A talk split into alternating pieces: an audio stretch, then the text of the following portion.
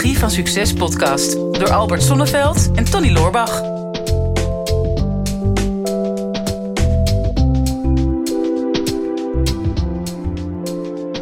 Tony, gaat er wel eens een dag in jouw leven voorbij dat je geen angst hebt? Of ik geen angst heb? Ja? Ik ben bang voor wel. Ja, dat denk ik wel, ja. Ja, daar ben ik me niet zo heel erg van bewust. Nee. Ja. Dat is toch wel... Ja, ik weet niet welk antwoord je op hoopte. Nee, nee, nee, nee, nee. Maar ja, ik, ik, volgens mij heb ik iedere dag wel een bepaalde angst. Is dat zo? Ben je zo'n bangerik? Ja, ik ben een bangerik, ja. Nee. Waar heb je zo Nou ja. al angst voor dan? Nou ja, bijvoorbeeld, ja, eh, bang, eh, weet je, vandaag gingen we hier naartoe. Eh, ik reed met eh, Emma mee, of Emma met mij, is maar net hoe we kijken naar de studio. Komen we in een file terecht. Dan ben ik wel een beetje bang om te laat te komen. Nou is dat niet een extreme angst natuurlijk. Het is niet zo dat ik nou mijn hele leven daardoor eh, instort. Maar ja, het is wel een angst. Waarvan ik misschien dacht van ja, ik kan het ook wel gewoon lekker loslaten. En denk, nou, ik stuur even een appje, heb ik ook gedaan. Van Tony, ik ben 20 minuten later. En dan kan ik het daarna ook wel loslaten. Maar het is wel even een gevoeletje zo van, dat komt dan naar boven. Ja, dan ben, je, dan ben je inderdaad toch wel elke dag wel ergens bang voor. Ik denk Ja. dat iedereen op gedurende de dag wel iets heeft waar je een beetje bang voor bent. Zelfs op vakantie. Ik ga dan toevallig overmorgen op vakantie. Ja, Ik ga twee weken lang helemaal niks doen. Ga naar Curaçao, naar een plek waar ik al heel vaak ben geweest. Hmm. Maar er zal toch elke dag wel een beetje de angst zijn dat het bier misschien opraakt. ja. of hoe je 's morgens wakker wordt. Of naast wie je wakker wordt. Of, nou, Ja, nou, dat, dat valt ook allemaal wel mee, denk ik. Ja. Nee, nee, het is altijd wel... Maar, maar dat zijn angsten die jou niet be- beletten om, ehm, om eh, iets te gaan doen. te functioneren. Ja. ja, want er is een vraag over komen, toch? Ja, klopt. Over angst. Angst, angst voor de angst zelfs. ja, ja. Onze ezelsbruggetjes zijn toch altijd ook echt van Ja, briljant hè? ongekend niveau. Ja. Ja, een vraag van eh, Damian die eh, vraagt... eh hoi Albert en Tony, hoe leer je omgaan met de angst voor de angst? En we hadden ook een eh, vraag van eh, eh, een fan uit België, staat erbij. Geen, geen naam, maar die had een... Een fan moet je dan zeggen. een fan. En jullie gaan internationaal. Ja, we zijn Ja. al helemaal tot in België. Ja. En die had een vergelijkbare vraag met... eh, eh, eh, hoe stap je uit je comfortzone? Eh, daarbij vraag ik me af, hoe leer je sprongen wagen naar het onbekende... of naar hogere groeilevels buiten je comfortzone? En ook dat heeft natuurlijk met angst te maken. ja. Dus ja, Ja, jij zit me zo hoopvol aan te kijken, zo van, eh, weet jij het antwoord? Nou, ik heb er wel eh op gestudeerd, want ik ben echt wel, ja, ik denk, op het gebied van angst heb ik veel onderzocht. Bij mezelf sowieso.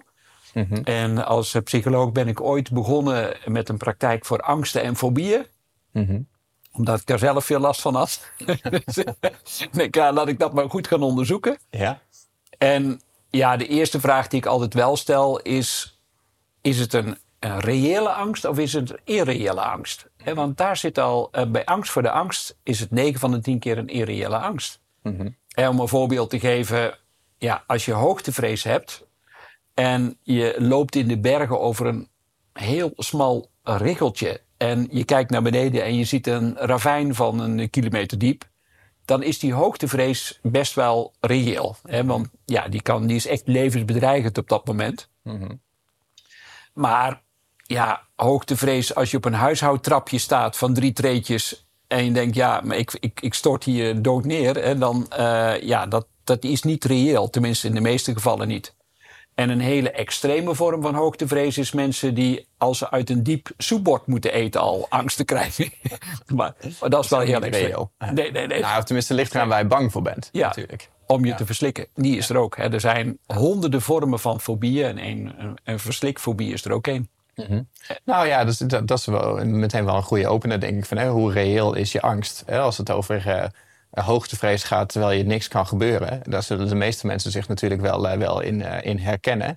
Ehm, dat die angst irreëel is, maar dat je daar moeilijk overheen kan zetten. Ik zat toevallig laatst eh, Kamp van Koningsbrugge te kijken. Nou, dat doen dan ook gewoon eh 15 burgers. Die gaan dan die opleiding tot Special Forces eh, doen. Daar zit ook zo'n hoogte-element in. En dan zie je toch ook wel mensen die, die hoogtevrees hebben, die nemen hun tijd, zeg maar, om een, een, een oefening om hoogte te doen. En Ja. hoeveel te langere aanloop ze nemen, des te langer ze twijfelen, des te groter die angst ook wordt. Terwijl de situatie natuurlijk niet is veranderd.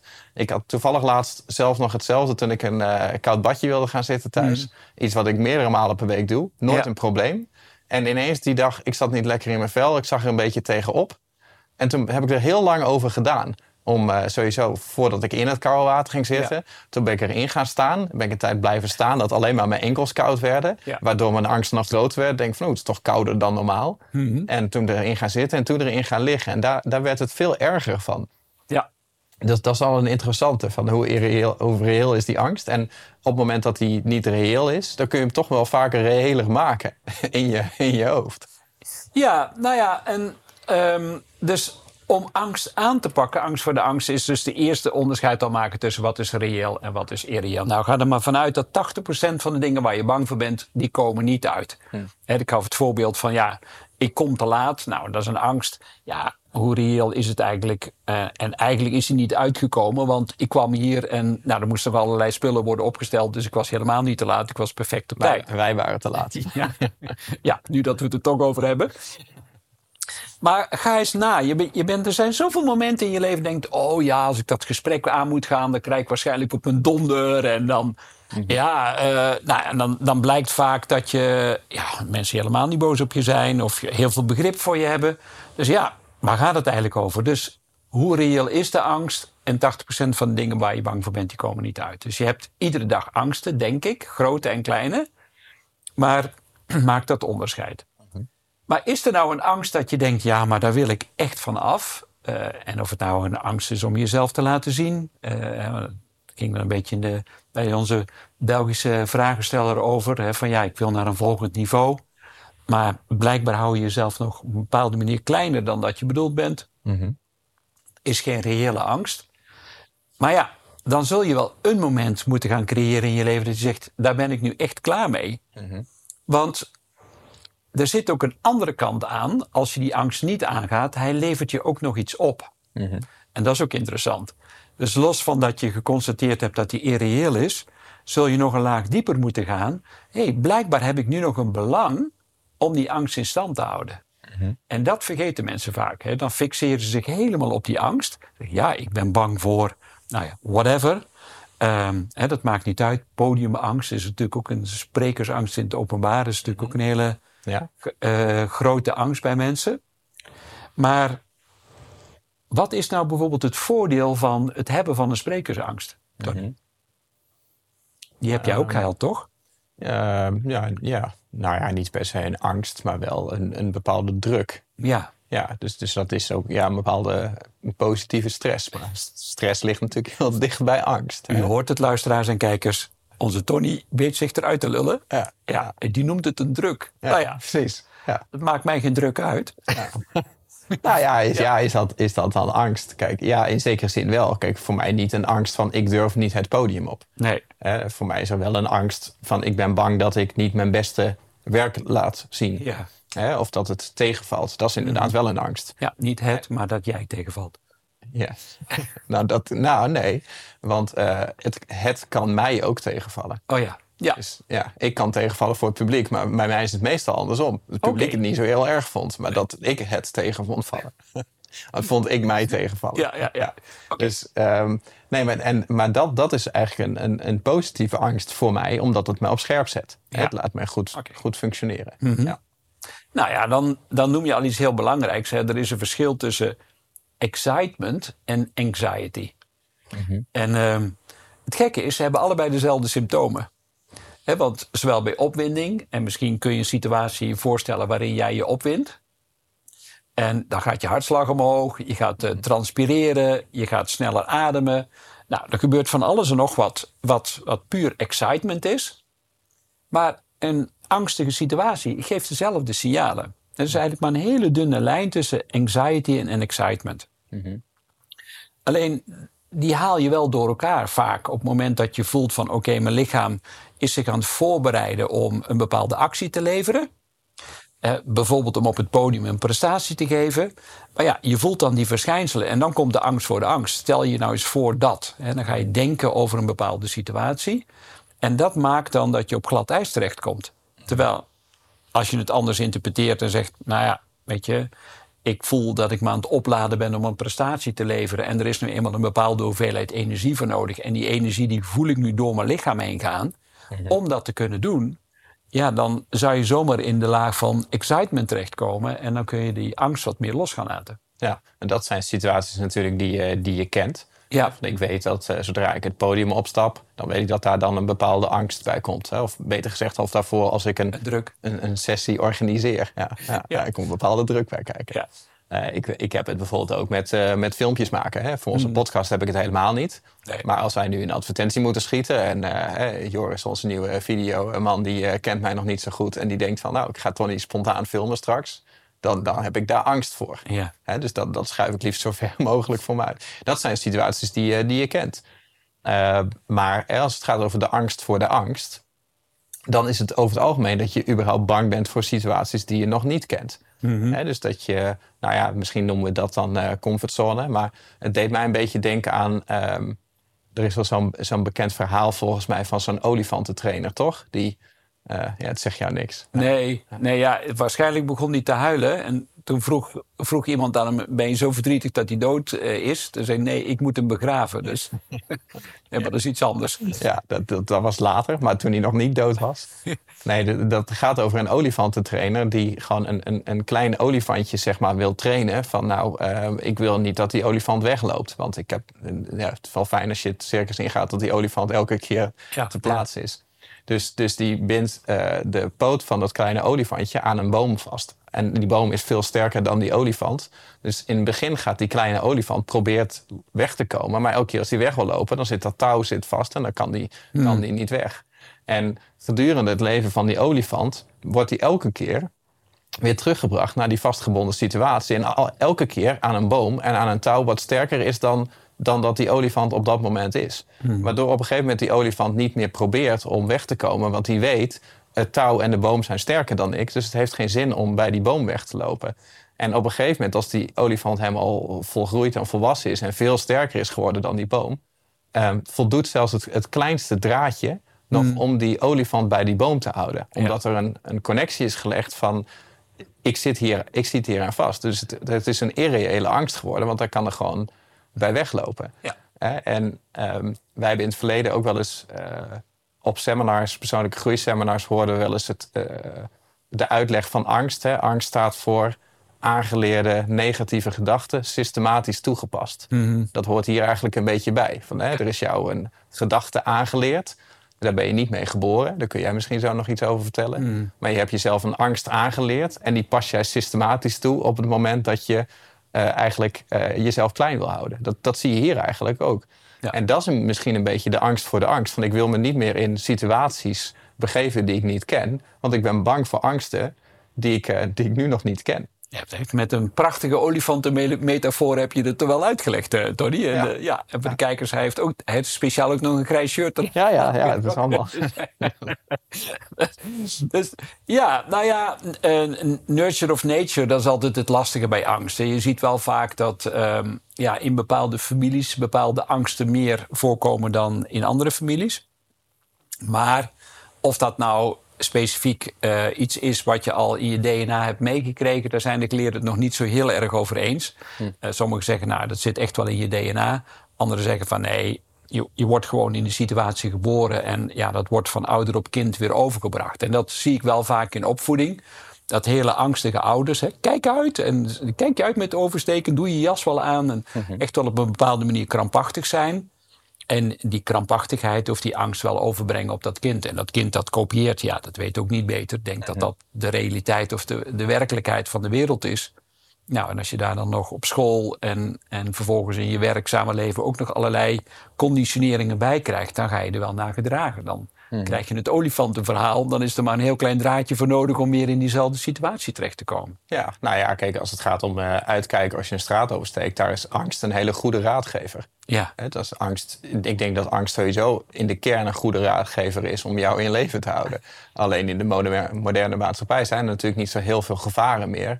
eh, die, we, die we vroeger hadden, waar we angst voor nodig hebben om ons in leven te houden. ja. En dan wordt angst soms misschien een slechte raadgever. Ja, nou, dus om, om hier nu van af te komen. En uh, we hebben vier stappen. Dat is altijd weer lekker. Vier stappen, ja. Zullen we dit gewoon volhouden? Ik doe gewoon een, uh, een metafoor van anekdote. En dan leg jij in vier stappen, of in zes, of in twaalf. het is maar lang het onderwerp. Ja, of ja. hoe breed de straat is die je moet oversteken. Ja, ja precies. Ja. Dan nou, doe ik elke keer een trui aan die dan past bij het, uh, best bij het beschreven verhaal. Ik, ik denk dat de mensen weer helemaal in de watten worden gelegd op dit moment. Ja. Maar goed, eerst een duidelijk doel. Op het moment dat je hebt gezien van, nou ja, mijn angst is irreëel en ik ben het spuug spuugzat en hij dient geen doel meer.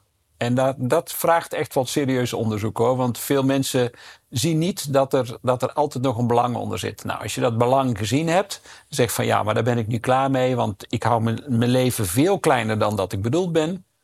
Nou, dan is het doel, ik ga daar doorheen groeien. Ik ga er overheen. En dat betekent dat je dan de angst aan moet gaan kijken. The only way out is to go in. Er is geen, geen bypass die je kunt maken. Er is geen korte weg.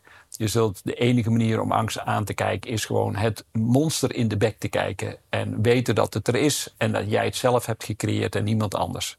Dus, en je kunt wel zeggen, ja, ik heb het aangeleerd van mijn ouders, maar dat is geen excuus om er dan niks mee te doen. Ik heb het nog steeds aangeleerd steeds aangeleerd en dat kun je afleren. Maar daarvoor begin je met een duidelijk doel. Het tweede is dat je dan ja, gaat, gaat een duidelijk beeld gaat vormen van hoe jij eruit wil zien op het moment dat je leeft zonder die angst. Dus dan sta je op dat podium of dan ben je naar dat volgende niveau gegroeid of dan, uh, dan durf je in dat vliegtuig te stappen of dan stap je in die lift of nou, welke, hè, of dan sta je op dat plein of uh, ik heb nu een cliënt die heeft uh, een redelijke sociale fobie. Nou, dat is ongemakkelijk. Het is een succesvolle zakenman. En toch mm. houdt hij zijn wereld veel kleiner en heel overzichtelijk. Hij zegt, ja, ik wil, ik wil toch weer meer contact gaan maken met andere mensen. Maar ik vind het verschrikkelijk om een gesprek aan te knopen in het openbaar. Mm. Ja, die ben ik nu aan het, aan het trainen van... Nou, stel je eens voor dat je op de, op de golfclub... Hè, want daar, uh, daar, daar gaan we dan oefenen dat je daar uh, op iemand afstapt die je nog niet kent. Nou, hoe, hoe, doe je dat dan en op welke manier? Maar visualiseer dat heel duidelijk. Maak er een beeld van, uh, want uiteindelijk ook van de angst die je hebt, daar maak je ook beelden van. Mm -hmm. En dat sta je, ben je niet altijd bij, uh, sta je daarbij stil, maar je hebt wel degelijk een beeld bij als iets mislukt. En dan zie je jezelf al helemaal kleiner worden, of dan zie je jezelf afgaan op een podium, of dan zie je jezelf half gestikt in een, in een lift liggen of in een vliegtuig of in paniek naar buiten rennen. Die beelden heb je gemaakt. Daar kun je andere beelden voor in de plaats zetten. Mhm.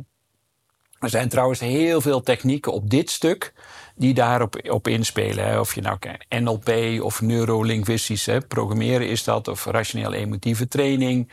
Nou, je hebt uh, ja, je kunt gaan tappen met de EFT-methode. Nou, je hebt de ACT-methode, nou, de Byron Katie. Er zijn heel veel technieken om, om juist jouw beeld in een ander perspectief te plaatsen. Mhm. En ik ga niet zeggen dat het een beter is dan de ander. Alle methodes zijn goed. Vaak ligt het aan de persoon die het toepast. die jou kan helpen om dingen in een ander perspectief te plaatsen. Een ander beeld erbij te hebben. En dan krijg je de derde stap. En dat gaat over ja, wat ik altijd noem affirmeren. Uh, dus je, als je een angst hebt, heb je zinnen in je hoofd. Je blijft maar herhalen tegen jezelf: Oh, dat lukt me niet, dat kan ik niet. Of dat durf ik niet, of ik ben niet goed genoeg, ik ben te oud, ik ben te jong. Ik, nou, uh, ik, valt, ik ben een mislukkeling, of ik moet het altijd alleen doen. Nou, weet ik veel. Een heel scala. Ik heb bij mezelf meer dan 26 van die kernovertuigingen naar boven gehaald met heel veel zelfonderzoek. Ja, ik blijf het mezelf wij, wijsmaken. En ik blijf het geloven dat dat zo is. Mhm. Totdat ik het ja, zo kotsbeu ben om mezelf kleiner te houden dan dat ik bedoeld ben door die angst. Mhm. en, en dat is denk ik nog wel een hele mooie, is dat naarmate dat die angst groter wordt, zit je ook dichter bij het moment dat je een doorbraak hebt. Mhm. want de angst, zoals ik er naar kijk, ontstaat vanuit het ego, wat alles heel graag bij hetzelfde wil houden. Zeg van nou, doe nou maar normaal, doe je gek genoeg. Uh, niet uit je comfortzone komen, houd je leven veilig, want dan heb ik grip en controle. Mm Maar je hart zegt waarschijnlijk iets anders. Je hart zegt, wow, ik wil eruit. Ik wil, uh, ik wil mijn leven leven zoals het mm ook bedoeld is. Hoe dichter dat je bij dat punt zit dat je doorbreekt, hoe groter die angst gaat duwen. Die wil jou weer terug in dat oude hebben. Nou ja, op het moment dat je dat realiseert, denk ik, oh ja, nu is de angst op, op een soort hoogtepunt. Ja, nu is het ook het moment om door te pakken. Ja, nou ja, dus je zou eigenlijk gewoon kunnen zeggen dat gewoon uh, de, de angst die je hebt uh, om, uh, om iets te gaan doen. Hè, hoe zeg je dat? Gewoon, gewoon de, om in te, te blijven hangen in de angst die jij hebt. Mm voorkomt eigenlijk dat, jij, dat, je, dat je volledig gaat leven. Ik heb laatst ergens gelezen, de angst om dood te gaan gaat hand in hand met de angst om volledig te leven. Ja. Ik heb het in het begin van de, van de coronapandemie ook wel eens ergens gelezen dat het vermijden van de dood zou niet het doel van het leven moeten zijn. Mhm. En natuurlijk uh, hebben we lockdowns en, en de maatregelen gehad om ook een heleboel andere verschillende redenen. Maar we hebben dat in de maatschappij kunnen zien. Wat er gebeurt als je met z'n allen gaat proberen om iets te vermijden. Mm. dat, dat wat je bestrijdt maak je over het algemeen erger. als je de dood gaat vermijden, dan voorkom je daarmee dat, dat je volledig gaat leven. Ja. en ik denk dat dat bij, bij elke vorm van angst wel is. of het nou uh, podiumvrees is of, uh, of, uh, of hoogtevrees. Van door die angst uit de weg te gaan, voorkom je eigenlijk dat je dat stuk van je leven um, onderzoekt of toelaat of, of ervaart. Ja. En um, dat is wel zonde. Ja, dat is ontzettend zonde. Want dan komt de vierde stap. Ja. Um, en ja, dat is ademen. En het klinkt eigenlijk heel simpel, maar dat is wel zo. Mensen zeggen, hoezo? Maar ik adem toch al. Maar als je zo'n spannende situatie aangaat, wat ik al zei, die is onvermijdelijk. Wil je echt gaan leven wat jij zegt, dan zul je die angst aan moeten kijken. Mm -hmm. Maar het beste hulpmiddel om daar te komen is wel dat je weer contact maakt met je ademhaling. Op het moment dat je een lage, diepe ademhaling hebt, onder in je buik, ontspannen, laag in inspanning, laag in geluid, uh, laag in je lijf. En je voelt een laag in frequentie, hè, vier keer laag. Laag in je lijf. Mhm. En je laat die adem toe, dan laat je in feite het leven toe. En dan gebeurt er ook neurologisch van alles met je systeem. Technisch gezien zet je dan je parasympathicus aan. En die geeft dan je brein het signaal, de kust is veilig. Mhm. En je hebt eigenlijk een soort ademhaling die je ook hebt in een diepe slaap. En vanuit die rustige ademhaling ga je die confronterende situatie aan. Dat voelt heel tegengesteld eigenlijk. Maar dat is wel je ankertouw. Dat is wel iets waar je aan vast kunt houden op het moment dat je ja, die spannende situatie aangaat. En dan merk je dat je het overleeft. Uh, want het was niet echt levensbedreigend. Dat hadden we al vastgesteld. Het is een irreële angst. Mhm. Ook al is het een re reële angst. Hè, je staat op die smalle bergrichel. Ja, dan nog steeds helpt die lage ademhaling om je veilig door die bergen heen te loodsen. Maar ook bij een irreële angst, op het moment dat je laag ademt Mhm. en je hebt een duidelijk doel en je kunt heel duidelijk affirmeren en je hebt er een duidelijk beeld bij. Uh, hè, dus je, kunt, je hebt je positieve overtuiging over jezelf. Hè, dat je weer de vrijheid tegemoet gaat, dat je de ruimte krijgt voor jezelf. Mhm. Nou, die drie, dus een duidelijk, of die vier, hè, een duidelijk doel hebben, een duidelijk beeld. Je gaat duidelijk affirmeren voor jezelf en je zorgt dat je ademhaling op orde is. Dan heb je als het ware vier pijlers waarop je jouw, jouw nieuwe leven kunt gaan opbouwen. Je hebt voldoende stevigheid, voldoende fundament om iets te overwinnen of een stap te zetten die jij uh, aan kunt gaan op het moment dat het even spannend voor je is. Ja, volgens mij zou je hier uren over door kunnen gaan, over angst. Ja. Oh ja, ja, absoluut. Ja, ja, probeer maar niet al te veel. probeer maar niet al te veel in de reden te vallen, want dit is gewoon jouw, jouw expertise. Ja. En uh, ik vind het fascinerend. En uh, dat is meteen een mooi haakje, denk ik. Als je hier nou meer over wil leren en uh, Albert hier nog lange tijd over wil, wil horen praten.